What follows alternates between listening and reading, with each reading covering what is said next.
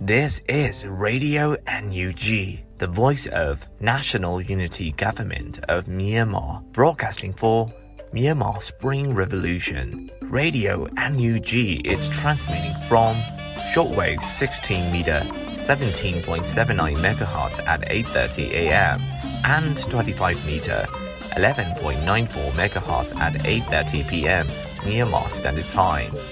မင်္ဂလာပါခင်ဗျာ အမျိုးသားညီညွတ်ရေးအစိုးရရဲ့အတန်လွင့်ဌာန Radio NUG ကိုမနက်ပိုင်း၈နာရီခွဲမှာလိုင်းတို16မီတာ7.3 MHz ညပိုင်း၈နာရီခွဲမှာလိုင်းတို25မီတာ17.6 MHz တို့မှာဓာတ်ရိုက်ဖမ်းယူနိုင်နိုင်ပါပြီမင်္ဂလာအပေါင်းနဲ့ပြည့်စုံကြပါစေအခုချိန်ကစပြီး Radio NUG အစီအစဉ်တွေကိုဓာတ်ရိုက်အတန်လွှင့်ပေးနေပါပြီ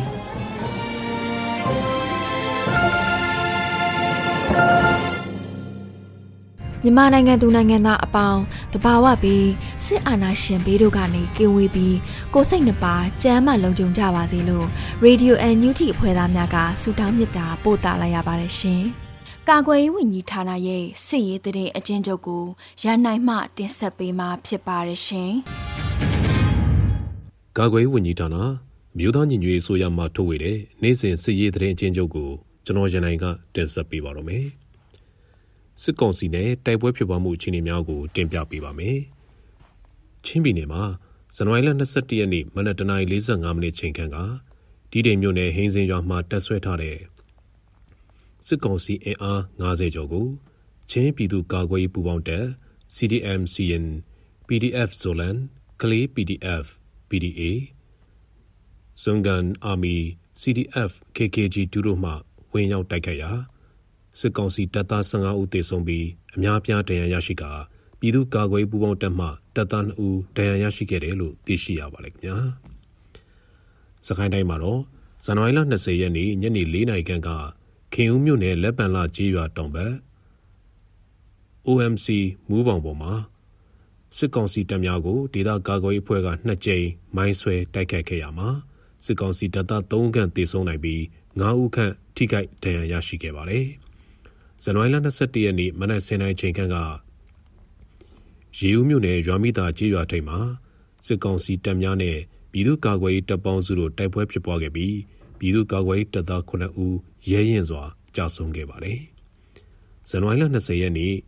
ညနေ6:30မိနစ်30ချိန်ခန့်ကမုံရွာမြို့မှထွက်လာတဲ့စစ်ကောင်စီစစ်ကားတစ်စီးကိုမြင်းရွာနဲ့မြင်းထဲကျေးရွာကြားမှာ Immortan Guerrilla Force မုံရွာမှမိုင်းဆွဲတိုက်ခတ်ခဲ့ရမှာစစ်ကောင်စီစစ်ကားပျက်စီးသွားခဲ့ပါတယ်ခင်ဗျာ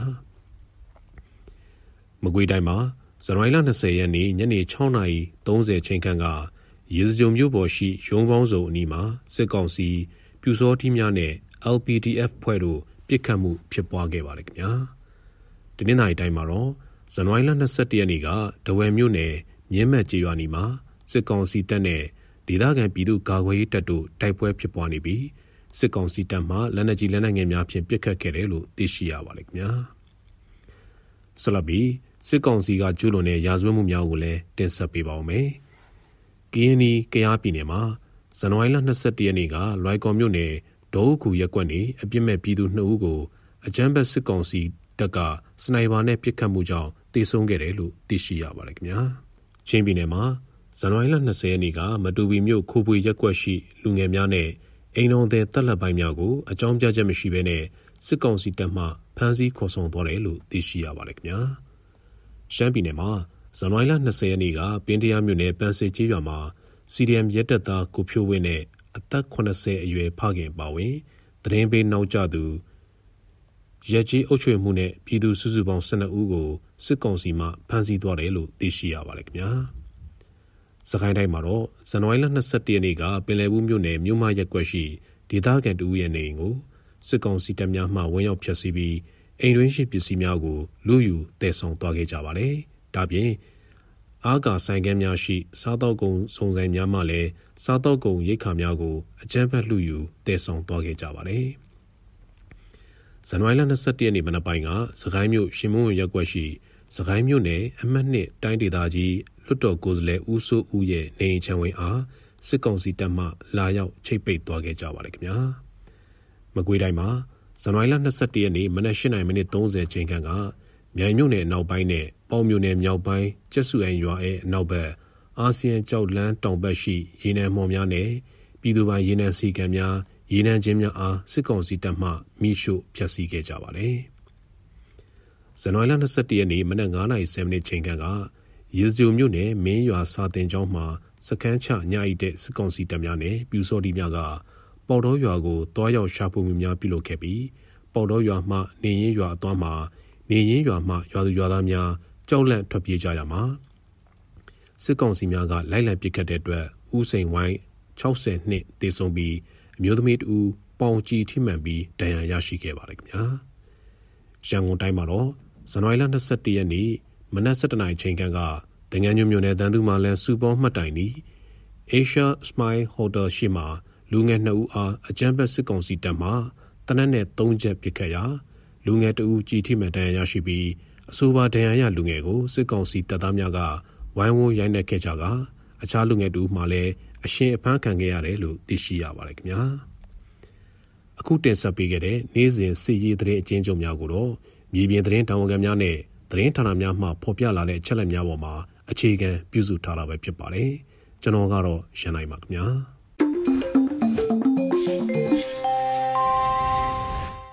ရေဒီယိုအန်ယူဂျီမှဆက်လက်အသံလွှင့်နေပါတယ်။အခုဆက်လက်ပြီးနောက်ဆုံးရပြည်တွင်းသတင်းများကိုຫນွေဦးမောင်မှတင်ဆက်ပေးမှာဖြစ်ပါတယ်ရှင်။မင်္ဂလာပါခင်ဗျာ။ ယခုအချိန်ကစပြီး Radio NUG မနက်ခင်းသတင်းများကိုဖတ်ကြားတင်ပြပေးပါတော့မယ်။အခုတင်ပြပေးမယ့်သတင်းတွေကတော့ Radio NUG သတင်းတာဝန်ခံတွေနဲ့ခိုင်လုံသောမိဖက်သတင်းရင်းမြစ်တွေမှအခြေခံထားတာဖြစ်ပါတယ်ကျွန်တော်ကတော့ຫນွေဦးမောင်ပါအာနာသိန်းလူသက်စစ်အုပ်စုကိုသွေးဆုံးငွေဖြည့်ပေးနေတဲ့ Total ရေနံနဲ့တဘာဝဓာတ်ငွေကုမ္ပဏီနဲ့ Chevron တို့ထွက်ခွာတော့မယ်လို့ကြေညာချက်ထွက်လာပါပြီ။ စစ်အာဏာရှင်တန်းရွှေလက်ထက်ကစလို့မြန်မာနိုင်ငံနဲ့လာရောက်ရင်းနှီးမြှုပ်နှံပြီးရေနံနဲ့သဘာဝဓာတ်ငွေတူးဖော်ရေးလုပ်ငန်းများလုပ်ကိုင်နေတဲ့ပြင်သစ်စွမ်းအင်ကုမ္ပဏီတိုတန်နဲ့ American စွမ်းအင်ကုမ္ပဏီ Chevron တို့ဟာဇန်နဝါရီလ22ရက်နေ့မှာပဲသူတို့ရဲ့စီးပွားရေးလုပ်ငန်းတွေကိုပြန်ရုပ်သိမ်းတော့မယ့်အကြောင်းအသီးသီးသတင်းထုတ်ပြန်ကြေညာလိုက်ပါတယ်။ နိုင်ငံတော်ဝန်ကအာဏာရှင်စန့်ကျင်ရေးလှုပ်ရှားမှုနဲ့အတူ CDM ဝန်ထမ်းတပိတ်တိုက်ပွဲများကြောင့်အချမ်းဖတ်စစ်အုပ်စုဟာစီးပွားရေးချွတ်ချုံချခဲ့ပေမဲ့နှစ်စဉ်ဒေါ်လာဘီလီယံချီအခွန်ရစေတဲ့အခုလိုရေနံနဲ့တဘာဝဓာတ်ငွေပြည်ပကုမ္ပဏီများရဲ့ဝင်ငွေကြောင့်သာယနေ့ထက်တိုင်လူသက်အချမ်းဖတ်လုပ်ငန်းများကိုဟန်ချက်မပြတ်ရပ်တည်နိုင်ခဲ့ခြင်းဖြစ်တယ်လို့မြန်မာပြည်သူများကယုံကြည်ထားကြတာပါ။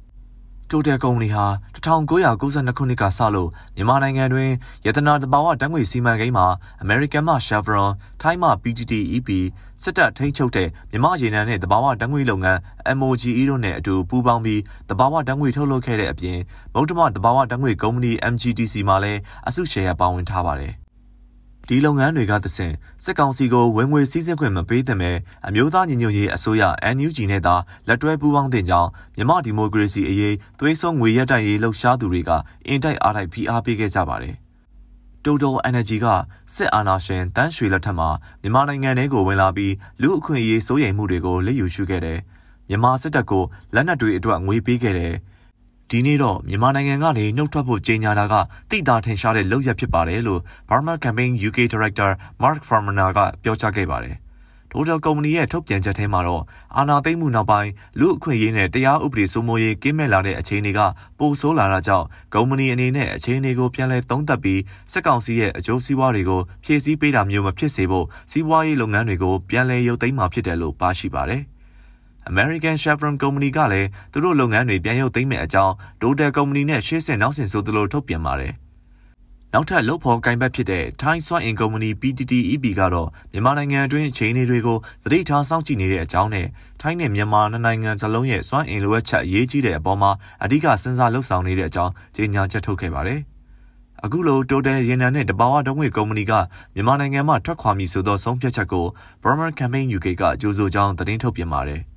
Total Energy သည်၎င်းတို့ရဲ့လုပ်ငန်းများကိုတခြားကုမ္ပဏီတို့မရောင်းဘဲမြန်မာနိုင်ငံမှထွက်ခွာမှာဖြစ်ပါတယ်။အခုလို Total ရဲ့ဆုံးဖြတ်ချက်ကိုကြိုးဆိုတော်တဲ့အာနာသိမ့်မီတစ်နှစ်အကြာမှရင်းတို့ဆုံးဖြတ်မှုကိုတော့အပြစ်တင်လို့ကြောင်း Blood Money Campaign မှဦးဆောင်သူကိုရဲကသုံးသပ်ပြောပါတယ်။ဒါအပြင် Total Energy ရဲ့ဆုံးဖြတ်ချက်ဟာမြန်မာစစ်တပ်ရဲ့လူအခွင့်အရေးချိုးဖောက်မှုတွေကိုနှစ်ပေါင်းများစွာငွေကြေးထောက်ပံ့ကူညီပေးခဲ့တယ်။မြန်မာနိုင်ငံမှာသူတို့ရဲ့အတိတ်တွေကကောင်းတာတော့မဟုတ်ဘူးလို့ပြောပါတယ်။ သွေးစွန်းငွေရက်တန်ရေးလှုပ်ရှားမှုတွေကိုအမျိုးသားညီညွတ်ရေးအစိုးရ NUG နဲ့အတူပူးပေါင်းပြီးဒီဇိုင်းမမတ်လှုပ်ဆောင်ခဲ့သူ Blood Money Campaign မှဦးဆောင်သူကိုရဲကတိုတယ်ရဲ့ယခုဆုံးဖြတ်ချက်ကိုတတိထားပြီးတော့ကြိုးဆိုကြောင်းအခုလိုပြောပါတယ်။နံပါတ်1ကတော့ Blood Money Campaign အနေနဲ့တိုတယ်ရဲ့ကြီးညာချက်အပေါ်မှာတတိထားပြီးတော့ကြိုးဆိုတယ်။ကျွန်တော်တို့အနေနဲ့မြန်မာပြည်ကထွက်ဖို့လုပ်ငန်းတွေရပ်တန့်ဖို့တခါမှမတောင်းဆိုခဲ့ဘူး။ကျွန်တော်တို့အဓိကလိုချင်တာကအကြမ်းဖက်စစ်ကောင်စီလက်ထက်ကိုအခွန်ဘဏ္ဍာတွေကျွန်တော်တို့မပေးဖို့ပဲရှင်းရှင်းလင်းလင်းတောင်းဆိုခဲ့တာဖြစ်တယ်။ တပြိုင်တည်းမှာပဲတိုတယ်ရဲ့ကြေညာချက်အပေါ်မှာတိတာတဲ့ဖြစ်ထုံးမှုအနေနဲ့လက်ခံတယ်။ဘာဖြစ်လို့လဲဆိုတော့ဒီ American ပြင်သစ်နဲ့ဥရောပက MOG ကိုစီးပွားရေးပိတ်ဆို့မှုတွေအတွက်လမ်းပွင့်သွားစေတယ်။သူတို့နဲ့စာချုပ်ချုပ်ထားတာကမြန်မာအစိုးရနဲ့ချုပ်ထားတာ MOG ကိုပတ်စံမပေးဖို့ကသူတို့လုံနိုင်တယ်။လုံနိုင်ရဲ့သားနဲ့မလုံတာတိုတယ်အနေနဲ့အစကတည်းကလုံနိုင်ရဲ့သားနဲ့တနစ်အကြာမှလုတ်ခဲ့တာလူအသက်ပေါင်းများစွာရင်းလိုက်ရတယ်။အဲ့ဒီအပေါ်မှာတော့မနှိမ့်သက်ဘူး တိုတယ်ကိုအပြစ်တင်ခြင်းတယ်လို့ Black Money Campaign ကိုဦးဆောင်သူကပြောပါတယ်။ Burma Campaign UK ရဲ့ Director Mark Famina ကတော့ရတနာဓာတ်ငွေစီမံကိန်းဟာလုပ်ငန်းလည်ပတ်မှုတသန်းကုန်ဆုံးလူနီးပါးဖြစ်နေပြီဖြစ်ပါတယ်။ Total Energy ကရှေ့မှာရရှိမဲ့ငွေကြေးထက်လူမျိုးတုံးတပ်ဖြတ်မှုနဲ့ရက်ဆက်ကြမ်းကြုတ်တဲ့အာဏာသိမ်းပိုက်မှုမှာတာဝန်ရှိတဲ့စစ်တပ်ကိုငွေကြေးထောက်ပံ့မှုအတွက်အနှုတ်လက္ခဏာဂုံတိတ်ခါကျဆင်းမှုအတွက်ဒီလိုဆုံးဖြတ်တာဖြစ်နိုင်တယ်လို့ပြောပါတယ်။ 1992ခုနှစ်ကစလို့မြန်မာနိုင်ငံမှာရင်းနှီးမြှုပ်နှံလာခဲ့ပြီး2021ခုနှစ်အာဏာသိမ်းချိန်ကျမှမြန်မာပြည်မှပြန်လည်ထွက်ခွာတော့မဲ့ဒိုတယ်ရဲ့ဆုံးဖြတ်ချက်ကိုစစ်အာဏာရှင်စန့်ကျင်ရေးအင်အားစုတွေဘက်ကတော့ဝမ်းသာအားရရှိနေကြသလို NUG အစိုးရပြည်ထောင်စုဝန်ကြီးဒေါက်တာတူးခေါင်ကတော့စစ်ကောင်စီအတွက်ဒေါ်လာတန်းရာချီအခွန်ပေးဆောင်နေတဲ့ဒိုတယ်ရေနံကုမ္ပဏီမြန်မာပြည်ကလစ်တော်မဲ့ NUG စီမံဘဏ္ဍာဝန်ကြီးနဲ့အတူဝိုင်းညက်ပေးကြတဲ့နိုင်ငံတကာအစုအဖွဲ့အားလုံး congratulation ပါလို့လူမှုကွန်ရက်ပေါ်မှာတဆင့်အတိပေးထုတ်ဖော်ရေးသားထားတာတွေ့ရပါတယ်။ဒါအပြင်လူအခွင့်အရေးဆိုင်ရာပြည်ထောင်စုဝန်ကြီးဦးအောင်မျိုးမင်းကလည်း ရေနံနဲ့တဘာဝဓာတ်ငွေရောင်းရငွေတွေကိုအိတ်ကတ်ထဲထည့်ကိုကျိုးအတွက်သုံးပြီးပြည်သူတွေကိုတပ်ဖြတ်ဖို့လက်နက်တွေဝယ်နေတဲ့အကြမ်းဖက်စစ်ကောင်စီရဲ့လုပ်ရက်တွေကြောင့်တိုတယ်နဲ့ Chevron ရေနံကုမ္ပဏီကြီးနှစ်ခုကမြန်မာပြည်ကနေထွက်ဖို့ဆုံးဖြတ်လိုက်ပြီးဖြစ်ကြောင်းဒီငွေတွေကိုမျှော်ကိုရင်းပြည်သူတွေအပေါ်စစ်အင်အားနဲ့ချင်းချောက်ချုပ်ကင်ဖို့စ조사နေတဲ့အကြမ်းဖက်စစ်ကောင်စီအတွက်တော့ကြီးမားတဲ့ဆုံးရှုံးမှုဖြစ်ပါတယ်။အရေးတော်ပုံအောင်ကိုအောင်ရမည်လို့ထုတ်ဖော်ရေးသားထားတာတွေ့ရှိရပါတယ်ခင်ဗျာ။ ဆက်လက်ပြီးနိုင်ငံတကာဝရမ်းပြေဖြစ်လာတော့မဲ့မင်းအောင်လှိုင်ရဲ့အကျိုးစီးပွားလက်ကင်တုပ်ဦးထေးအောင်ခေါ်အော့ကစ်ထေးအောင် OIC နိုင်ငံများသို့တွားရောက်သည့်ခရီးစဉ်အပေါ်ຫນွေဦးဒေါ်လာရေးမြန်မာမွတ်စလင်ကွန်ရက်ရဲ့တဘောရထုတ်ပြန်ကြေညာချက်တစ်စောင်ကိုဇန်နဝါရီ22ရက်နေ့ရက်စွဲဖြင့်အောက်ပါအတိုင်းထုတ်ပြန်ခဲ့ကြတာကိုဖတ်ကြားပေးပါမယ်။1 အကြမ်းဖက်စစ်ကောင်းဆောင်မင်းအောင်လှိုင်သည်ရိုဟင်ဂျာလူမျိုးများအပေါ်ကျူးလွန်ခဲ့သည့်လူမျိုးတုံးတပ်ဖြတ်မှုလူသားမျိုးနွယ်များအပေါ်စန့်ကျင်ကျူးလွန်သည့်ရာဇဝတ်မှုစစ်ရာဇဝတ်မှုများနှင့်ပတ်သက်၍အပြည်ပြည်ဆိုင်ရာတရားရုံး International Court of Justice ICJ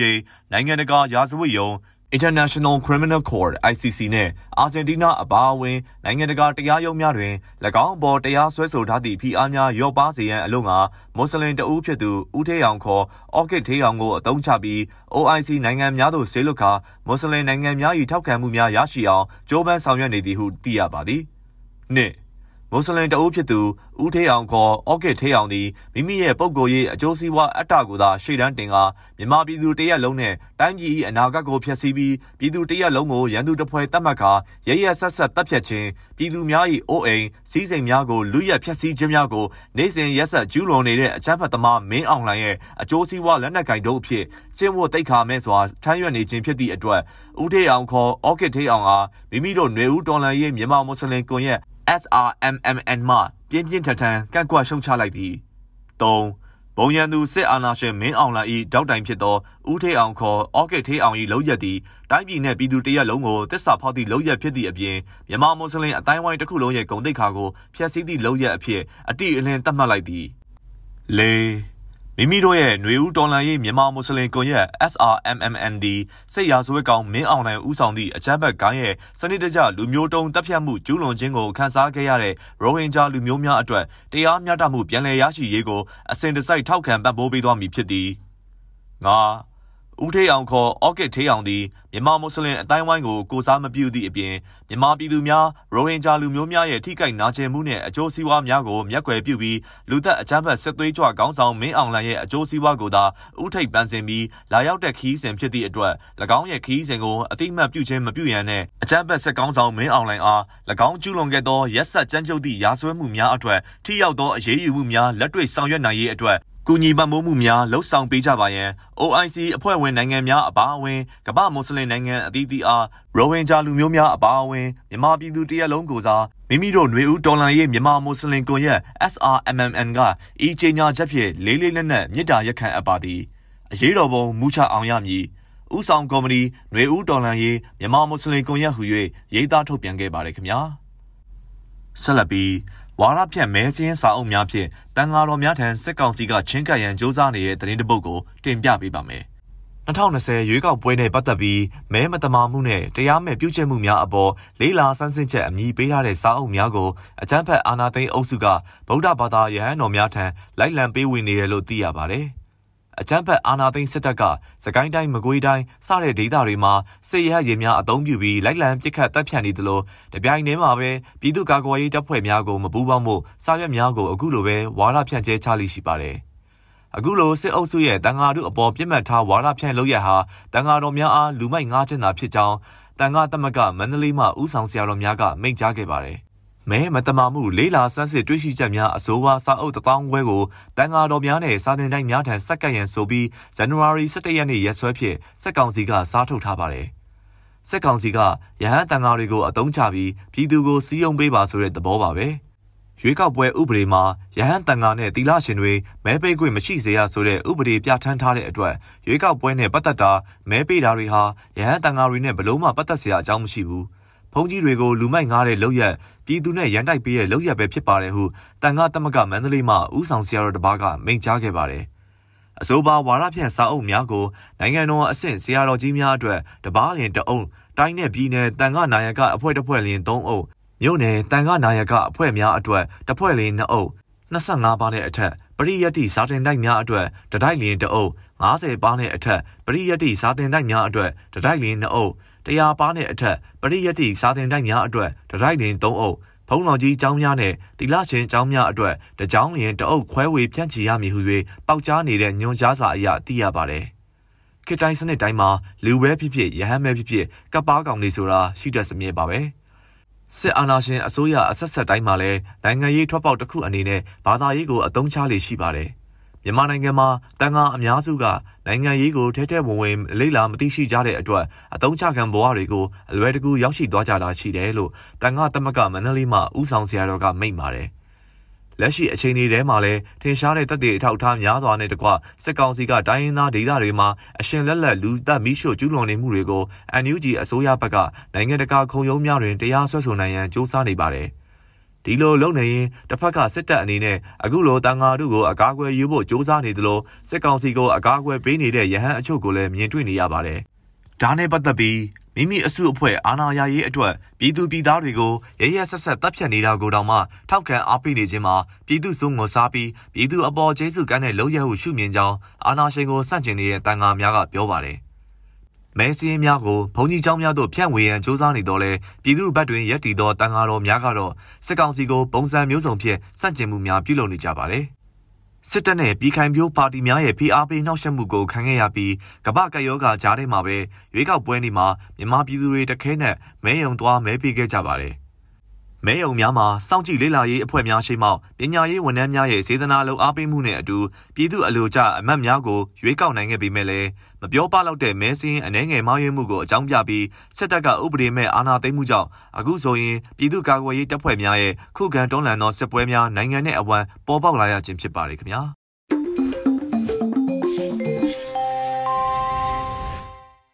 Radio NUG မှဆက်လက်တမ်းလွှင့်နေပါတယ်။အခုဆက်လက်ပြီးပြည်သူခုခံတော်လှန်စစ်တရင်များကိုမင်းနိုင်ຫນွေဦးမှတင်ဆက်ပေးမှာဖြစ်ပါတယ်ရှင်။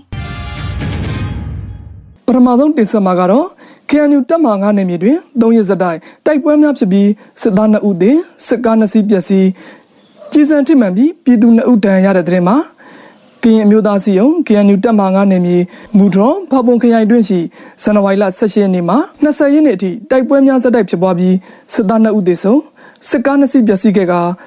စစ်ကောင်စီခမရ434ကရန်တမ်းပစ်ခတ်လို့ထူမော်တဲ့ဒေသရှိပြည်သူ2ဦးကြည်ထိမှန်ဒဏ်ရာရရှိကြောင်းမူထော်သတင်းစင်ကထုတ်ပြန်ထားပါတယ်ဇန်နဝါရီလ18ရက်နနက်10:10မိနစ်ခန့်တွင်စစ်ကောင်စီရဲ့တရပင်ကုန်းစကန်ကို KNN ကဝင်ရောက်တိုက်ခတ်ခဲ့ရာစစ်သားတအုပ်သေဆုံးကြောင်း မွန်းလွဲ3နာရီခန့်တွင်ခမရ434ကလက်နက်ငယ်များဖြင့်ရန်တမ်းပစ်ခတ်လို့ဖာပွန်ထူမော်တဲ့ဒေတာရှိအသက်85နှစ်အရွယ်နဲ့အသက်56နှစ်အရွယ်အမျိုးသမီး2ဦးကြည်ထိမှန်တန်းရကြောင်းမွန်လယ်3နာရီခွဲခန့်တွင်စစ်ကောင်စီရဲ့ညတကိုကျိုးစကန်ကို KNN ကဝင်ရောက်ပစ်ခတ်ရာစစ်သားတအုပ်တေဆုံးကြောင်းသိရှိရပါတယ်။ဇန်နဝါရီလ19ရက်မွန်လက်တနာရီ20မိနစ်ခန့်တွင်ဖပွန်ကမ္မမောင်းလန်18မိုင်နှင့်19မိုင်ကြားတွင်စစ်ကောင်စီတပ်ဖွဲ့ကို KNN ကဝင်ရောက်တိုက်ခတ်ရာစစ်ကားတစ်စီးပျက်စီးသွားကြောင်းစစ်သားထိခိုက်ဒေဆုံးမှုကိုမသိရှိရသေးကြောင်းဇန်နဝါရီလ20ရက်တွင်လည်းဖပွန်ကမ္မမောင်းလန်22မိုင်နေရာတွင်စစ်ကောင်စီတပ်ဖွဲ့ကို KNN ကဝင်ရောက်တိုက်ခတ်ရာစစ်ကားတစ်စီးထပ်မံပျက်စီးသွားကြောင်းစကကရှစ်လောက်ခံခမရ၄တုံညာနှစ်တပ်ဖွဲ့ကဒွယ်လုံးမြို့နယ်ထိတလူထကျင်းနယ်ဖွေးတော်ရှူရွာမာတော်ကျင်းနယ် ခွေးသွေရများသို့လက်နက်ကြီးလက်နက်ငယ်များရန်တမ်းပစ်ခတ်ခဲ့ကြောင်း KNU တပ်မ9ကသတင်းထုတ်ပြန်ထားပါတယ်ဆက်လက်ပြီးတိတိန်ရန်စင်ကျွရရှိစစ်ကောင်စီတပ်ဖွဲ့တိုက်ခိုက်ခံရပြီးစစ်သား15ဦးခန့်အသေးဆုံးခဲ့တဲ့သတင်းတင်ဆက်ပေးမှာပါချင်းပြည်နယ်တိတိန်မြို့နယ်တိတိန်ကလေးကားလမ်းမပေါ်ရှိရန်စင်ကျွရတွင်တပ်ဆဲထားတဲ့စစ်ကောင်စီတပ်ဖွဲ့ကို ဒေသကာကွယ်ရေးပူးပေါင်းတပ်ဖွဲ့များကယနေ့ဇန်နဝါရီလ22ရက်နနက်အစောပိုင်းတနာရီ45မိနစ်တွင်ဝင်ရောက်တိုက်ခတ်ခဲ့ပြီးစစ်သား15ဦးခန့်တည်ဆုံခဲ့ကကာကွယ်ရေးတပ်ဖွဲ့ဝင်တအူးလည်းထိခိုက်ဒဏ်ရာရကြောင်းသတင်းရရှိပါတယ်။တိတိန်ကနေကလေးမျိုးဘက်သွားရင်တိုင်ငင်းရောက်မယ်။ပြီးရင်ရန်စင်ရွာရောက်မှာအဲ့ဒီမှာစစ်ခွေးတွေတက်ဆဲထားတာ90ကျော်ရှိတယ်ကျွန်တော်တို့ဒီမနေ့တနာရီ45မိနစ်မှာဝင်ပစ်တာနိုင်ဝေးလောက်ကြာမယ်စစ်ခွေးတွေ15ရက်လောက်တည်မယ်လို့ကျွန်တော်တို့အတီးပြုတ်လို့ရတယ်လို့ PDF ဆိုလန်ပြောခွင့်ရကပြောဆိုထားပါတယ်။ရန်စင်ကျွရရှိစစ်ကောင်စီတပ်ဖွဲ့ကို CDN စီရင် PDF ဆိုလန်ကလေး PDF ဇိုကန်အာမီ CNA CDF ကကဂျီတူပူပေါင်းတပ်ဖွဲ့များကဝင်ရောက်တိုက်ခိုက်ခဲ့ခြင်းဖြစ်ပြီး ပူပေါင်းတပ်မှတအူထိခိုက်ဒဏ်ရာရရှိကြောင်းသိရှိရပါတယ်။အဆိုပါစစ်ကောင်စီတပ်ဟာတိတိမ်မြို့နယ်အတွင်းရှိဒေသကာကွယ်တပ်ဖွဲ့များကိုတိုက်ခိုက်ရန်ဇန်နဝါရီလ12ရက်ကကလေးမြို့ဘက်မှထွက်ခါလာတဲ့အင်အားတရာခန့်ရှိတဲ့စစ်ကောင်စီတပ်ဖွဲ့ဖြစ်ပြီးလက်ရှိတွင်ရှေ့မတိုးနိုင်ပဲရန်စင်ရွာတွင်အင်အား90ကျော်ခန့်ဖြင့်တပ်ဆဲနေခြင်းဖြစ်ပါတယ်။အဆိုပါကလေးတိတိမ်လမ်းပိုင်းတွင်ဇန်နဝါရီလ23ရက်မှစတင်ကတိုက်ပွဲပြင်းထန်ခဲ့ပြီးစစ်ကောင်စီတပ်ဖွဲ့ဝင်20ဦးတမင်းတေဆုံးထားပြီးဖြစ်ပါတယ်။ အထိနာတဲ့စစ်ကောင်စီတပ်ဟာစကိုင်းတိုင်းနဲ့ချင်းပြည်နယ်အဆက်ခိုင်ကမ်းမြို့ရှိတက္ကသိုလ်တွင်တက်ဆဲထားတဲ့အမြောက်တပ်မှလက်နက်ကြီးများဖြင့်ပစ်ခတ်တယ်လို့လေကြောင်းမှတဆင်လဲပစ်ခတ်တိုက်ခတ်ခြင်းများပြုလုပ်ခဲ့ပါတယ်။တရင်ချက်လက်များရ20ရက်တလ2022ရက်နေ့တွင်စစ်ကောင်စီတပ်ဖွဲ့ဝင်42ဦးသေဆုံးပြီးထိခိုက်ဒဏ်ရာရရှိသူ73ဦးအထိခုခံတိုက်ခိုက်နိုင်ခဲ့ပါတယ်။မြေပြင်မှာယခုတွေ့ရှိရတဲ့တရင်အချက်လက်များထက်ပို၍ဖြစ်ပွားနိုင်ပါတယ်ခင်ဗျာ။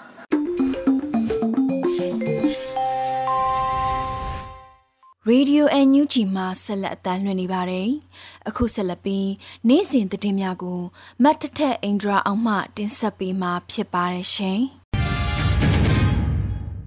အခုချိန်ကစပြီး PPTV သတင်းတွေကိုတင်ဆက်ပေးတော့မှာပါ။ကျွန်မထထအင်ဒရာအောင်ပါ။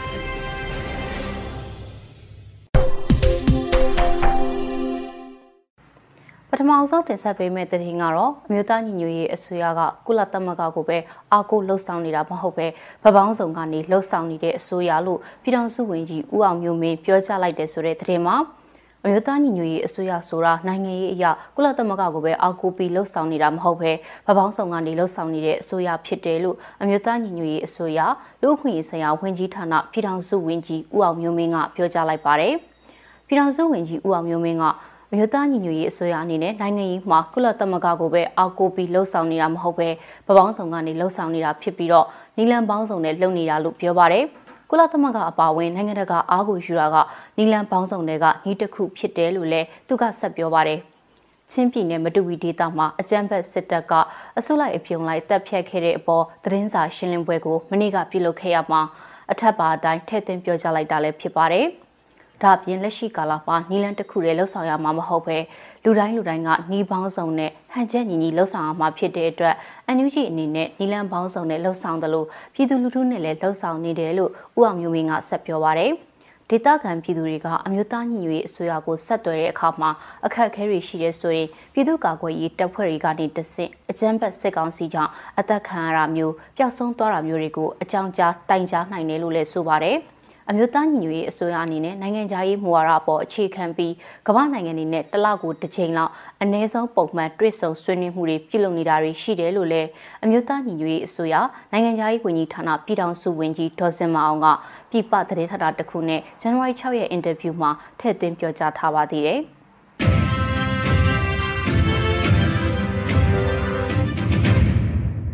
အခုဆက်လက်ပြီးတော့မတူပီမြို့နယ်မှာအကြမ်းဖက်စစ်ကောင်စီကလူခွင့်ရေးချိုးဖောက်ပြီးတော့အရက်သားပြည်သူတွေကိုတပ်ဖြတ်ခဲ့တဲ့ကိစ္စနဲ့ဆက်လျင်းပြီးအမျိုးသားညီညွတ်ရေးအစိုးရလူအခွင့်ရေးဝန်ကြီးဌာနကသတင်းစာရှင်းလင်းပွဲပြုလုပ်ခဲ့တဲ့ဆိုတဲ့သတင်းကိုတင်ဆက်ပေးပါမယ်။ ချင်းပြည်နယ်မတူပီမြို့နယ်မှာအကြမ်းဖက်စစ်ကောင်စီတပ်တွေကလူအခွင့်အရေးချိုးဖောက်ပြီးတော့အရသားပြည်သူတွေကိုတပ်ဖြတ်ခဲ့တဲ့ကိစ္စနဲ့ဆက်လျင်းတဲ့သတင်းစာရှင်းလင်းပွဲကိုဇန်နဝါရီ20ရက်ညနေ9:00နာရီမှာအမျိုးသားညီညွတ်ရေးအစိုးရလူအခွင့်အရေးဝန်ကြီးဌာနကသတင်းစာရှင်းလင်းပွဲတရက်ကိုပြုလုပ်ခဲ့ပါတယ်။သတင်းစာရှင်းလင်းပွဲမှာအကြမ်းဖက်စစ်ကောင်စီတပ်တွေရဲ့တပ်ဖြတ်ခံရသူတွေရဲ့မိသားစုဝင်တွေကရှင်းလင်းပြောကြားမှုတွေပြုလုပ်ခဲ့တယ်လို့ အမျိုးသားညီညွတ်ရေးအစိုးရဘက်ကလည်းလူအခွင့်အရေးဝန်ကြီးဌာနပြည်ထောင်စုဝန်ကြီးဦးအောင်မျိုးမင်းနဲ့အပြည်ပြည်ဆိုင်ရာပူးပေါင်းဆောင်ရွက်ရေးဝန်ကြီးဌာနပြည်ထောင်စုဝန်ကြီးဒေါက်တာဆဆာရိုကရှင်းလင်းတင်ပြမှုတွေလုပ်ခဲ့ပါတယ်။ဆက်လက်ပြီးတော့တက်ရောက်လာတဲ့သတင်းမီဒီယာတွေရဲ့မေးမြန်းမှုတွေကိုပြည်ထောင်စုဝန်ကြီးနှုတ်ကဖြေကြားပေးခဲ့ပါသေးတယ်။ အပြည်ပြည်ဆိုင်ရာပူးပေါင်းဆောင်ရွက်ရေးဝန်ကြီးဌာနပြည်ထောင်စုဝန်ကြီးဒေါက်တာဆဆာကတော့အကြမ်းဖက်စစ်ကောင်စီရဲ့အာဏာသိမ်းပြီးကျူးလွန်ခဲ့တဲ့အမှုတွေအကုန်လုံးကိုဓာတ်ပုံဗီဒီယိုနေရာအချိန်တိကျနဲ့မှတ်တမ်းယူထားရဲဆိုတာနဲ့တရားမျှတမှုမရမချင်းဘယ်တော့မှရနာသွားမှာမဟုတ်ဘူးလို့လည်းပြောကြားသွားတာကိုတွေ့ရပါတယ်။ ဒါအပြင်အကြမ်းဖက်စစ်တပ်ရဲ့ကျူးလွန်မှုတွေကိုကုလသမဂ္ဂလူအခွင့်အရေးကောင်စီကဖွဲ့စည်းပေးထားတဲ့မြန်မာနိုင်ငံဆိုင်ရာလွတ်လပ်သောစုံစမ်းစစ်ဆေးရေးရန်တရား IIMM နဲ့ပူးပေါင်းပြီးအချက်လက်စုဆောင်းထားပြီးလုပ်နေရလို့လည်းပြောကြားထားတာကိုတွေ့ရပါတယ်။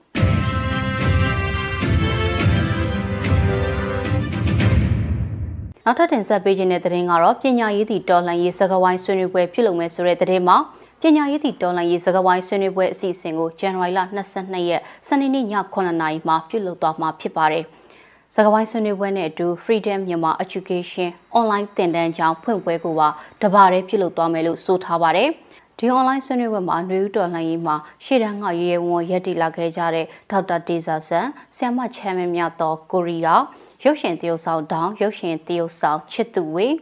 မတ်ရွှေမူကိုရီးယားနဲ့ကိုရောဘတ်စောထူအောင် Freedom မြန်မာ Education FME တာဝန်ခံတို့ကပါဝင်ဆွေးနွေးပေးကြမှာဖြစ်ပါတယ်။ဒါရထုတ်လွှင့်သွားမယ့် Facebook page တွေကတော့ Freedom မြန်မာ Education နဲ့ Education and Healthcare for မြန်မာတို့ဖြစ်ပြီး DD Channel မှာလည်းဝင်ရောက်ကြည့်ရှုနိုင်တယ်လို့ဖော်ပြထားပါတယ်။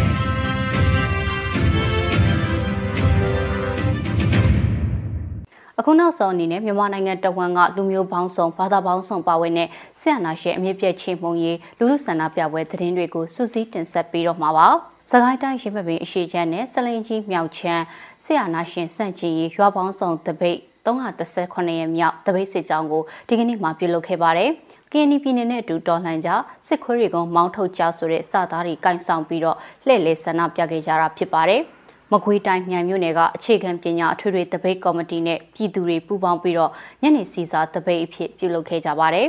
။အကြမ်းဖက်ဆရာနာရှင်ဖြုတ်ချရေးကြွေးကြော်ချီတက်ဆန္ဒပြခဲ့တာဖြစ်ပြီးဆန္ဒပြလူငယ်တွေကစစ်ကောင်စီနဲ့အပေါင်းပါများပြည်သူကျင်းစာစူးပါစေတာဆိုတဲ့စာသားတွေကင်ဆောင်ထားတာကိုလည်းတွေ့ရပါတယ်။စကိုင်းတိုင်းရှိုမြို့နယ်ကပြည်သူတွေကလည်းအကြမ်းဖက်စစ်တပ်စန့်ကျင်ရေးဆန္ဒပြချီတက်လှည့်လည်ခဲ့ကြပါတယ်။ ဆန္ဒပြတဲ့သူတွေကအမျိုးသားညီညွတ်ရေးအစိုးရကိုထောက်ခံတဲ့စာသားတွေကင်ဆွဲထားတာကိုလည်းတွေ့ရပါတယ်။မုံရွာအမြင့်လန်းပင်မတပိတ်ကလည်း KNY ပြည်နယ်အတူတော်လှန်ကြဖက်စစ်ခွေးတွေကိုမောင်းထုတ်ကြဆိုတဲ့စာသားတွေကင်ဆောင်ပြီးတော့ဆန္ဒပြချီတက်လှည့်လည်ခဲ့ကြပါတယ်။ဒါ့အပြင်ကြီးရွာတွေမှာလည်းတပိတ်ဟောပြောမှုတွေပြုလုပ်ခဲ့တာကိုတွေ့ရပါတယ်။ဒါကတော့ဇန်နဝါရီလ22ရက်နေ့ဆီယနာရှင်အမြင့်ပြည့်ချင်းမှုရေးလူထုဆန္ဒပြပွဲသတင်းတွေကိုစုစည်းတင်ဆက်ပေးခဲ့တာဖြစ်ပါတယ်။ မြန်မာနိုင်ငံသူနိုင်ငံသားအလုံးပဲဆက်အနာရှင်ဘေးကနေအမြန်ဆုံးလွတ်မြောက်ကြပါစေလို့ဆန္ဒပြုလိုက်ရပါတယ်ရှင်။ဒီကနေ့ကတော့ဒီညနေပဲ Radio NUG ရဲ့အစည်းအဝေးတွေကိုခਿੱတရရနိုင်ပါမယ်။မြန်မာစံတော်ချိန်မနက်၈နာရီခွဲနဲ့ည၈နာရီခွဲအချိန်တွေမှာ